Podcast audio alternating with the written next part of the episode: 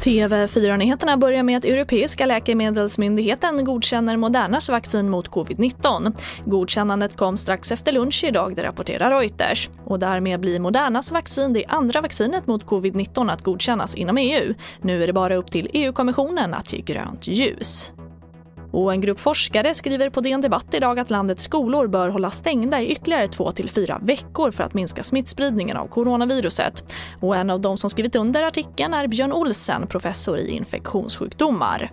Det visar sig nu också om man tittar veckorna precis innan vi stängde ner inför jul här så var ju skolmiljöerna en av de kanske stö alltså större och viktigare delarna där smittan spreds väldigt snabbt. Så då, då, tror jag på proaktivitet här. Stäng ner skolan åtminstone 14 dagar till att börja med. Utvärdera effekten, kanske öppna upp, kanske inte.